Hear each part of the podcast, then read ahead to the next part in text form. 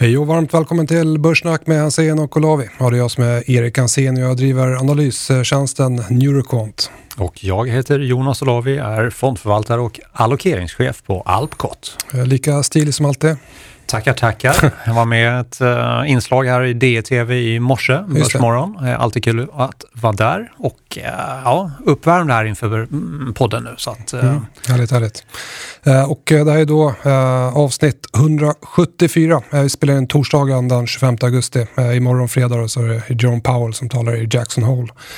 Eh, uh, Börssnack är en podd från uh, tradingmäklaren IG. Uh, alltså stort tack uh, till IG. Uh, gå in på ig.com för att uh, läsa mer om uh, deras tjänster. glöm inte att all handel såklart innebär risk. Ja, Jonas, vad har vi på dagens agenda? Vi kommer ta en sedvanlig market update. Det händer en hel del små spännande saker. Vi kommer prata lite bolag ehm, och vi har bjudit in en eh, väldigt speciell gäst som ligger oss varmt om hjärtat. Och så har vi en ehm, spännande nyhet. Det har vi. Men vet du vad? Jag har fem snabba frågor till dig. Jaha, vilken överraskning. uh, American Express eller Mastercard? Uh, American Express, för den har jag i fonden. Ja, jag såg att du tweetade lite grann om det där. Uh, guld eller bitcoin? Guld. guld. Uh, driver eller putter? Uh, putter. putter. Aktier eller obligationer under 2022? Um, aktier. Aktier. Nästan så att du ville passa där eller? Ja, jag har ju klivit upp i ja. obligationer till neutral, vilket var jättelänge sedan jag eh, hade. Men jag är mm. också neutral till aktier. Så att, eh, ja, neutral. Eh, äta lunch med Tiger Woods eller Warren Buffett? Eh, Warren Buffett. Right. Då kör vi. Då kör vi.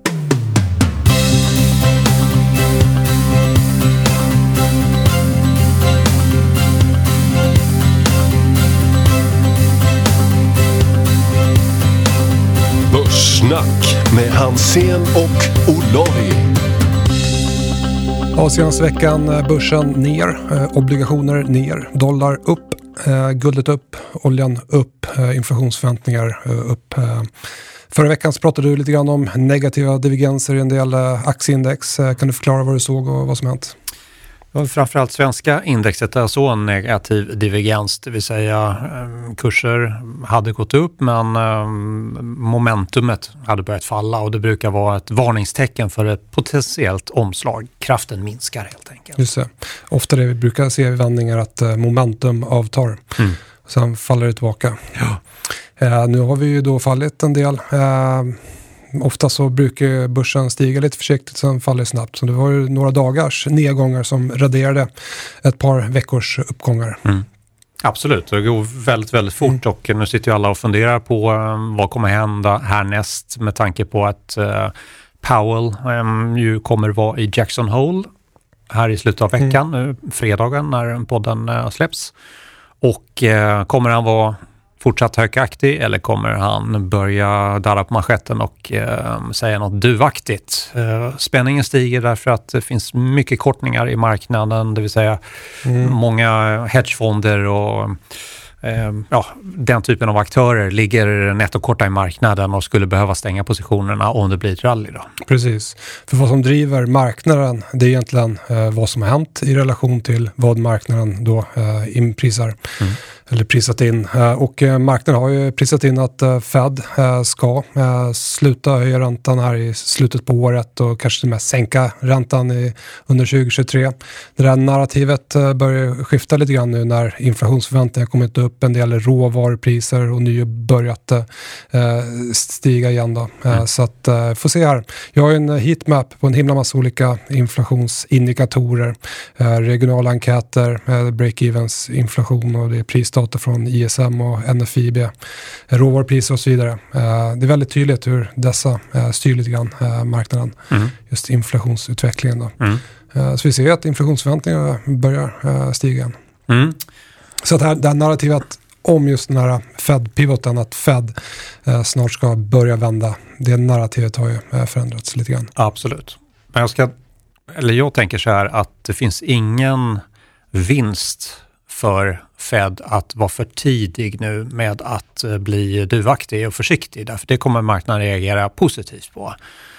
Så att vi har ju haft starka rapporter med oss under året, bättre än förväntat generellt, mm. även om det har varit större diskrepans, skillnad mellan bra och dåliga bolag under det här kvartalet jämfört med föregående kvartal. En del pratar om en fortsatt ganska god tillväxt eller mycket god tillväxt, men en del pratar också om försvagningar. Ju närmare konsumenterna bolagen ligger, desto försiktigare har de varit. Mm. Och det är klart att när konsumenten nu läser i tidningen att uh, man ska betala uh, i en villa då 20-30 000 i, i månaden i elkostnader så det är klart att man funderar på hmm, hur är det med finanserna egentligen? Man kanske ska spara lite grann. Mm. Och eh, nu har ju den här ketchup-effekten från eh, covid-pandemin och störningarna gjort att det finns ganska mycket lager på hyllorna. Och då kommer den här mm, storyn tillbaka igen att de förmodligen känner att de har för mycket lager på hyllorna när då konsumenterna slutar att eh, köpa prylar. Och då mm. kommer reorna och då börjar priserna falla. Mm. Apropå lager, äh, fick in en del preliminära äh, PMI-data här i veckan. Mm. Inköpschefer då som berättar lite grann om hur de ser på orderingång, priser, lager och annat. Och då ser vi där att preliminära inköpschefsindex över tillverkningsindustrin fortsätter att falla. Mm. 47,6 i Tyskland, 49,2 i Europa, 45 i i USA om man kollar på S&P eh, Global där. Eh, så att eh, ja, PMI-data signalerar en nedgång i BNP tre kvartal i, följd här mm. i en del regioner. I mina ögon så är det recession oavsett vad politikerna säger. Mm. Och tittar man generellt på marknaden nu så måste man passa på i de korta ögonblick när man ändrar regim. Får man en mm. uppstuds kan man försöka vara med på det och sen då vara snabb med att plocka hem vinsterna. De som kan och vill jobba på kortsidan gör ju det när det har blivit lite överköpt eller vi är uppe vid motstånd, handlar på nedsidan då. Så det finns möjligheter och man ska inte liksom lämna marknaden utan mm. tvärtom ska man hänga med. Det är superspännande även om det har varit kämpigt i år. Då. Och generellt så kan man ju säga att i en sån här miljö när räntorna går upp, då bör bankerna stärkas. Det kan man också lägga i bakhuvudet och då får man ju fundera vilken bank man ska satsa på. Jag har en del europeiska banker i eh, eh Alpcot Equities, men bland de svenska eller nordiska så har jag Nordea då som mitt val. Och man får helt egna preferenser och ska ha egna preferenser. Så eh, det finns alltid någonting att, att, gräva i och jag tittade till exempel på de här amerikanska kortjättarna, eh, Visa, Mastercard, eh, American Express och eh, när jag tittar på charten då, jag tittar på ettårsdiagram och sen så mm, tar jag den relativa utvecklingen jämfört med varandra så har de gått exakt lika dåligt eller bra. Mm. Så det är lite svårt att välja vilka man ska ha då. Jag har ju valt eh, American Express. Den är billigare än de övriga två, men samtidigt så är tillväxten lite mer, inte riktigt lika stark som den faktiskt då är i eh, Visa och framförallt då Mastercard.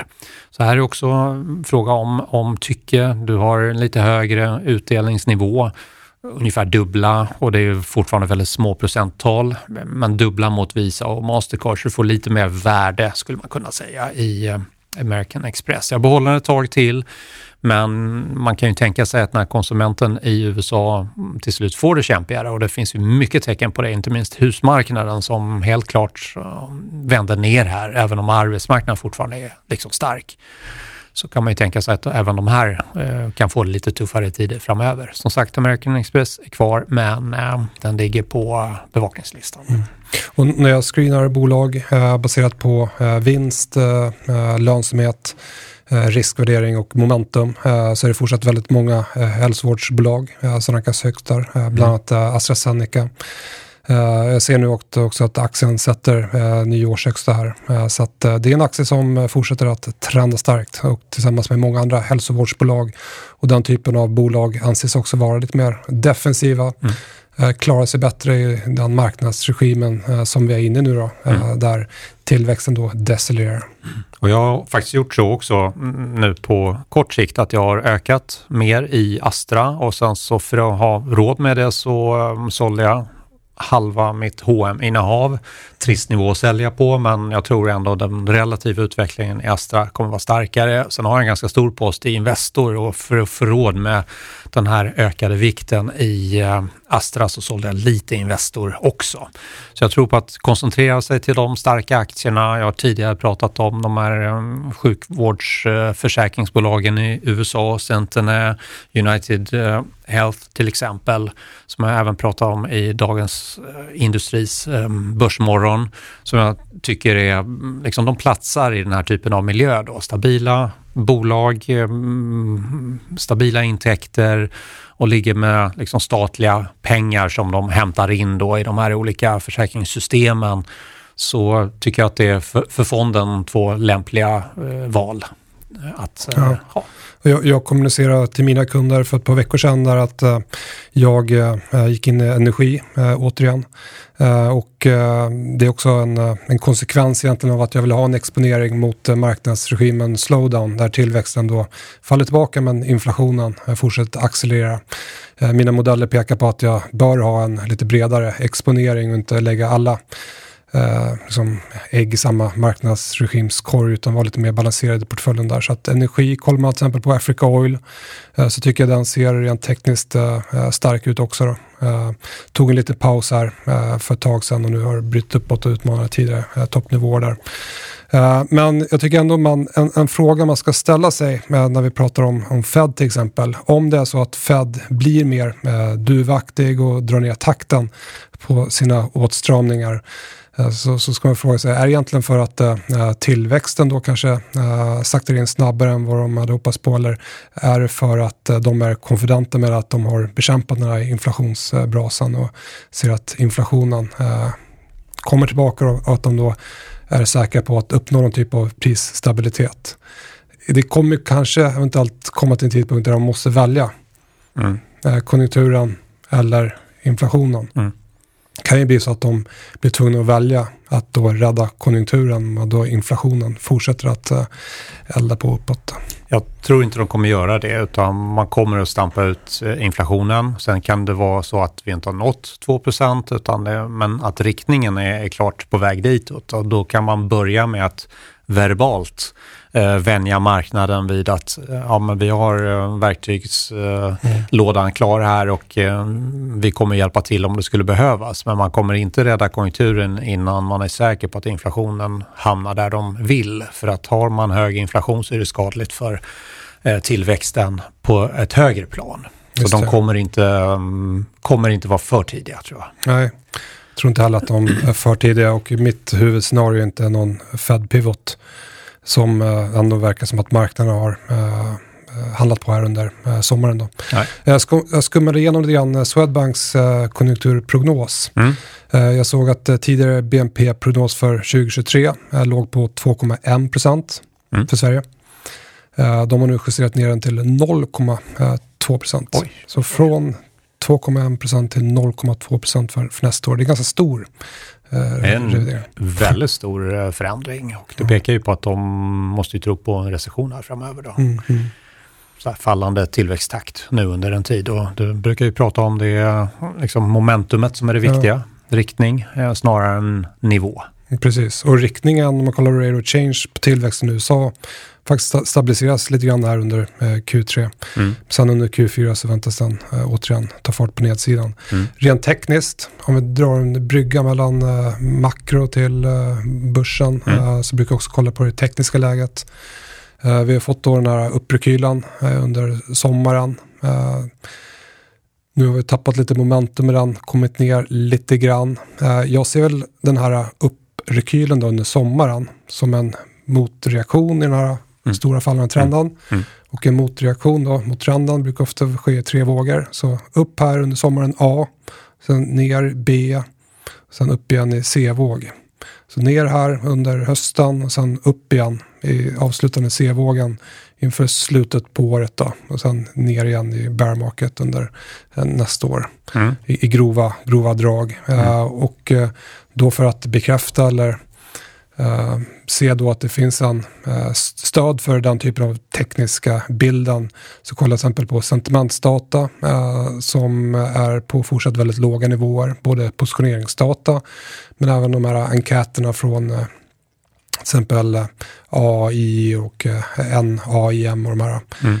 Investor Intelligence som har studsat uppåt lite grann, Mm. men de är fortsatt på, på väldigt låga nivåer. Mm. Så vi ger ju ändå lite, lite stöd eh, till, till marknaden att det är väldigt många som är pessimistiska. Mm, absolut. Ja, det är bra att följa där och precis som du säger så kommer det gå i vågor och eh, det kan man använda sig utav då. Och det är väl det som man ska försöka hitta, den balansen, tajmingen, att man ändå går på när det ser väldigt dåligt ut. Eh, Då är- brukar narrativet ändras, för då har man jobbat med det ett tag. Det var ju som när alla pratar om eh, recession här i, i juni. Ja, exakt. Och så vänder det upp i juli då. Re- Rekord, är många som googlade på, på recession. Ja, helt klart. Eh, Så då, då vänder det. Men vad tycker du, ska vi gå vidare och prata om vad är det som händer? Det tycker jag definitivt. Vi har en nyhet. Du Vad har är det. Erik? Nej, men vi, har, vi har ju poddat här sedan eh, 2018, va? Ja. Hö- Hösten 2018. Ja. I många år, många, många, många avsnitt. Och vi kom på idén på golfbanan, Yes, kommer jag ihåg. jag var ute och golfade där på Ja. Brohof tror jag. Ja. Eh, Fråga dig, eh, Jonas, eh, vad tycker du? Ska vi inte börja podda? Mm. Och jag tänkte att ja, men det hade ju varit kul, men lyssnar folk på poddar tänkte jag. Mm. Det är ju som radio och sådär. Ja, det gör de ju. det är jättepopulärt och eh, det har ju kommit många finanspoddar. Börspodden som är störst, de var först och sen har det kommit flera andra. Eh, Banking by Daniel som, som jag tycker är en, en bra podd och så vidare. Så att mm, det, kvaliteten har ju verkligen ökat och eh, möjligheterna för de som vill ta till sig den typen av information har ju verkligen exploderat. Precis, så att uh, Börssnack, det blir lite grann en produkt av marknadsklimatet. Nu är aktiemarknaden en björnmarknad. Ja. Så då tänkte vi att eh, vi kör, En eh, golfpodd istället. exakt, eh, golfsnack med Hansén och Olavi. Ja, och ehm, eftersom vi båda är väldigt bitna golfare och eh, känner många intressanta golfprofiler så ehm, kommer vi fortsätta i den, den, ehm, med, med den typen av eh, upplägg och ehm, vi kommer komma tillbaka med börssnack när börserna ser bättre ut. Precis, när det är en bull market. Jag har mina modeller där som kommer att signalera när börssnack är tillbaka. En person och ett bolag som har hjälpt oss med att eh, skapa den här, det är ingen mindre än Emil, Emil, Emil Boman, ja, som vi tänkte bjuda in här på ett eh, snack helt enkelt och se om vi har lyckats lära honom någonting under de här åren. precis. Jag tycker vi tar in eh, Emil som har suttit bredvid oss här i, i många år och eh, lyssnat på, på avsnitten. Hör lite grann vad han tycker. Det gör vi.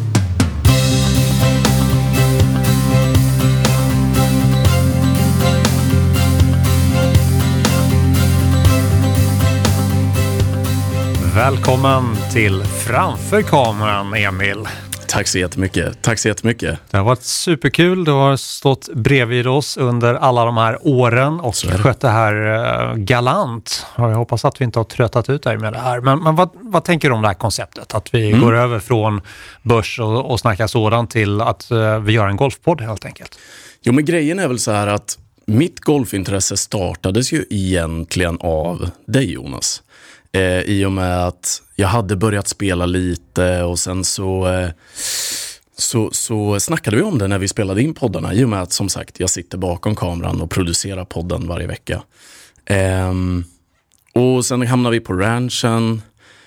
Jag gillade dina klubbor mer än mina.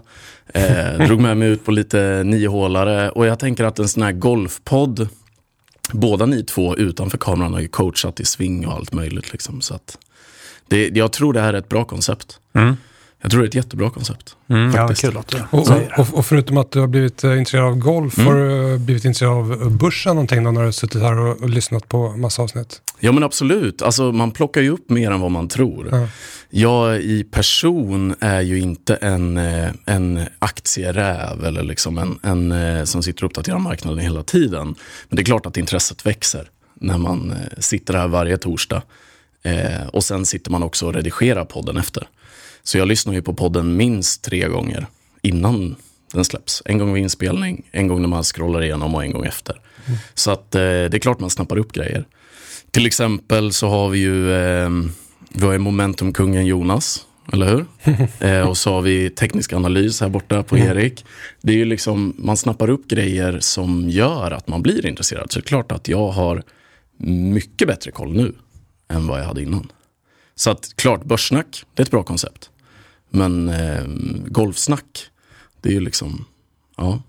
Om vi tittar tillbaka, 174 avsnitt har vi Ja. gjort. ja. Och du har skött det här helt fantastiskt. Men Mm. är det något avsnitt som du tycker sticker ut i positiv bemärkelse och kanske något som inte riktigt gick som du tänkte dig? Ja, i positiv bemärkelse. Ett avsnitt som eh, etsar fast sig väldigt mycket på mig. Eh, vi har ju varit i tre olika studios. Då, då. Vi har varit i Gamla stan. Där spelade vi aldrig in video. Eh, vi har varit på Sveavägen. Eh, där började vi spela in video. Ehm, Jag tycker det var lite kul där första Ja. avsnittet som vi skulle filma. ja. Jag har glömt berätta för Jonas att Jajamän. eh, nu är det video. Eh, så, Och det stod fullt med kameror när jag kom in här. Liksom. Jag kommer inte ihåg vad du hade på dig, men jag tror att du hade kanske haft några andra kläder på dig eh, om du hade vetat om. Så har det varit. Kanske Det får ni gå tillbaka och kolla på faktiskt. Det var väldigt roligt. Eh, nej men och sen det där med video var ju också ett initiativ som vi pitchade också. Eh, så att, nej men ett avsnitt som eh, etsat fast sig, det måste ändå vara Lone Wolf. Eh, vet inte varför riktigt. Men det var någonting med, jag fastnade för sättet han, han snackade, jag hade följt innan på Twitter och här grejer. Sen är det alltid kul att veta hur en, hur en person ser ut liksom, som inte får synas. Mm, det känns, lite, det. känns lite spännande liksom. Ehm, jobbigt avsnitt, alltså jag, jobbigt skulle jag inte nämna det som. Men vi har ju vårat berömda avsnitt med Bard. Och jag tror jag räknade till att ni ställde fem frågor under hela den intervjun. Ehm, så att den var väl inte jobbig, men den var ju brutalt utmanande. Eh, klippa vart den inte så rolig heller, för det var mest snack åt ett håll. Hade du eh, gjort eh, annorlunda om det varit mig och Jonas? Om, om du hade eh, intervjuat eller samtalat med Bard, hade du gjort på något annat sätt? Han är, han är inte enkel Nej. att handskas med. Nej, han är, inte, han är inte så enkel att handskas med. Och i och med att jag även har varit med och producerat Framgångspodden med Alexander Pärleros, där han också har varit med, eh, så har vi, eh, det, det man Intervju, intervjuteknik med honom behöver vara ganska hård. Eh, men han är ju så otroligt fast på sitt sätt att snacka. Så att det blir en helt annan grej. Så är det. Men det har varit fyra väldigt roliga år med Börssnack. Det är, eh, har varit en ära. Och mycket att lära. Ja. Berätta om uh, Pank Production. Berätta Ja. om dig själv. Jo men så här då. Jag själv som person eh, brinner för att lära mig och utvecklas. Inte minst om det är med golfbanan eller det är eh, att bygga motorcyklar eller om det är inom kreativt och film. Ehm, och inom det kreativa och film, det vi gör i Pang Productions, det är väldigt reklamfokuserat. Eller innehåll, alltså podd. Ehm, så vi producerar en massa poddar. Ehm, för företag, för privatpersoner. Ehm, så allt ifrån att, eh, ja men som IG, som står bakom podden här, eh, med Börssnack, ehm, står, står bakom podden till att vi säger att jag skulle vilja starta en podd. Eh, så kan man kontakta mig. Men sen får man inte glömma det rörliga benet. Där vi gör jättemycket reklamproduktion, employee branding. Allt ifrån den allra minsta produktionen till 15 personers sätt och gör ordentliga reklamkampanjer. Liksom. All, allt ifrån sociala medier till tv-reklam. Jag vill också lyf- lyfta fram eh, Kalle Stenbeck som, som, Gud ja. som klipper med podden Exakt. och gör ett jättebra arbete. Exakt. Kalle gör ett grymt jobb med, eh, med ljudfilerna. Eh, och de första 70 avsnitten var ju utan video. Eh, har jag för mig. Eh, och de är det ju Kalle som, som klipper. Det är jag som producerar och sitter med vid inspelning. Eh, och sen nästa 100 avsnitt så har vi haft både ljud och video. Så eh, big ups till Kalle. Absolut. Absolut. Det som är helt oförklarligt är hur man får ihop eh, en ljudfil med en videofil. Här- Jag hade aldrig fått det. Vi hade sett ut som Kalanka om det var jag som skötte det. Ja, jag har med fått. Nej men man har ju varit lite teknisk support ändå under de här åren. Ni har Ja, haft lite absolut. frågor fram och tillbaka. Oh, ja. Ehm, ja. Vad, vad skulle ni säga är era bästa avsnitt? Eller bästa, men någon som ni verkligen tagit med er saker av? Om vi börjar med dig Erik. Eh, nej, men det som man minns, det är ju såklart avsnittet med Alexander Bard Mm. eh, som har eh, liksom påverkat mig mest. Mm. Mm. Men sen är det så himla många, vi har haft så Mm. himla många bra gäster med oss. Mm. Så det är svårt, men det är framförallt Alexander Bard som påverkar mig mest. Det har varit många som har bjudit på sig själv. Mm. Det tycker jag är fantastiskt. Och Mm. eh, många kommer in med hög energi. Gud, ja. Vi hade Lena Fahlén här, fantastisk energi och kul att prata med. Eh, men många har varit på det sättet. Mm. Och eh, jag tror att den här avslappnade miljön när vi sitter och pratar är ett bra format. Då. Och det tror jag också lyssnarna har uppskattat. Mm, Så jag har svårt att ta ett avsnitt och säga Mm. att "Ja, men det här var det bästa, utan jag hittar Mm. kvaliteter i alla. Vi Sen haft- kan det vara så ibland kanske att man kommer i osynk, att man har lite svårt att få flow i, i samtalet. Man får dra ur eh, svaren från personen Mm. i fråga. Mm. Men det är ju bara att kämpa på så att det blir bra, för det ska vara en bra podd här då. Mm. Och den har ju Ja. varit eh, tänkt att vara utbildande Mm. primärt. Mm. Eh, Ett annat avsnitt som jag kommer att tänka på nu såklart det är ju med Lukas Ekström, en, en kompis till mig och, Ja. och gudfar till, till min son som var med här eh, för ett par år sedan. Eh, Där vi pratade om lite allt möjligt och när, när du var borta där. Mm. Mindfulness och Ja. lite yoga och sådana grejer va? Precis. Lite mindset bakom hur man ska ha och, Ja. och klara av börs, börsen. Liksom. Precis, eh, lite psykologi. Han, Mm. han, jobbar ju som trader i London på en investmentbank och sen eh, skolade han om sig till eh, läkare Mm. efter många år. Så att, eh, Mm. intressant eh, resa han har gjort där. Ja, men vi har haft väldigt många bra gäster. Mm. Vi måste Oh, ja. ju tacka allihopa Mm. också. Verkligen. Eh, I och med att vi bygger upp avsnitten så, så att gästen har ju en stor del av det. Och vi har, som du sa Jonas, många kommer in med bra energi, bjuder på mycket information Mm. och, och eh, ja. Och Verkligen. sen så är det ju vissa som efteråt sit- sitter kvar och snackar också. Ja. Jag vet när Iljan var Mm. med, ja men då ville han vara med och kolla på om man kunde köpa något i Pang Productions. Ja, jag vet inte hur seriöst det var, men, men, men eh, ja. Det var, eh, vi har haft otroligt mycket bra gäster. Mm. Så en stor cred till dem. Det är det. Men eh, nu går vi lite eh, skilda vägar. Hur, hur ser du på det? Golfpodd? Mm. eh, Det har Mm. inte riktigt... Något, det har inte varit ett koncept för er tidigare Nej. i alla fall. Då. Nej. Nej, nej såklart. Alltså, nu går vi lite skilda vägar. Eh, för nu, vi kommer säkert hitta på roliga saker framöver. Eh, golfpodden som sig, eller golfsnack ska man väl säga, är ju... Eh, det kommer ju inte gå att spela in på samma sätt som vi har gjort nu. Nej. Och därför så blir det en annan part som, som tar hand om det. Mm. Eh, och ehm, konceptet i sig, jag tror att man, samma sak som börssnack här, vi måste, man måste lyssna ordentligt. Mm. Eh, ta till sig av detaljerna och gärna lyssna om. Eh, så att man verkligen får med sig den här coachningen. På lite på samma sätt som hur man ska tänka i, i, på börsen. Mm. Eh, för om det är någon som har varit duktig på att bjuda på information under de här fyra åren så är det ändå ni. Eh, det är alltifrån analyser till modeller till, till eh, ja, men ibland är det till och med inte ja, men det är observationer om bolag, det är koll, koll på det här. Ehm, ja. Jag har många kompisar som också har börjat lyssna för man har tipsat dem och Mm. varit helt fast. Många blir lite skraja när de hör om börsen som är helt nya. Mm. Att eh, nej men det här är, det är svårt att ta till sig, men, men nej. Det, ni gör det på ett bra sätt. Och på samma sätt kommer ni fortsätta göra med golfen då. Om jag har förstått det rätt. Ja men Erik, det är väl inte sant det här med golfpodd? Tyvärr.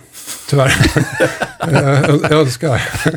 Eh, Vad är det som händer egentligen? Nej, men eh, Börssnack kommer leva vidare i ett nytt format. Eh, Det kommer ske tillsammans med eh, IG och Bonnier. Eh, kommer sändas eh, i Dagens Industri och IGs kanaler. Eh, Så att eh, Börssnack lever vidare. Men det kommer vara tv-format istället för poddformat. Ja. Eh, Lite mer komprimerat, eh, 20 minuter kommer sändas på onsdagar. Just det. Från, från och med nästa vecka.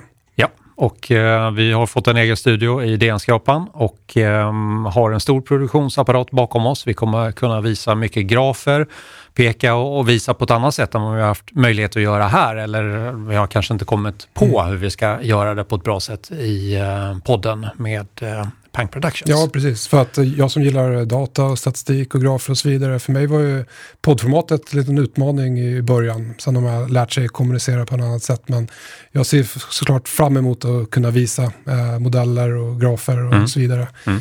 eh, på stora skärmar. Och hur ser du på eh, Börssnack eh, 2.0? Det kommer vara komprimerat. Vi kommer ha möjlighet att visa eh, mer tydligt vad vi menar. Vi kommer fortsätta vara utbildande, men vi kommer försöka nå fler tittare.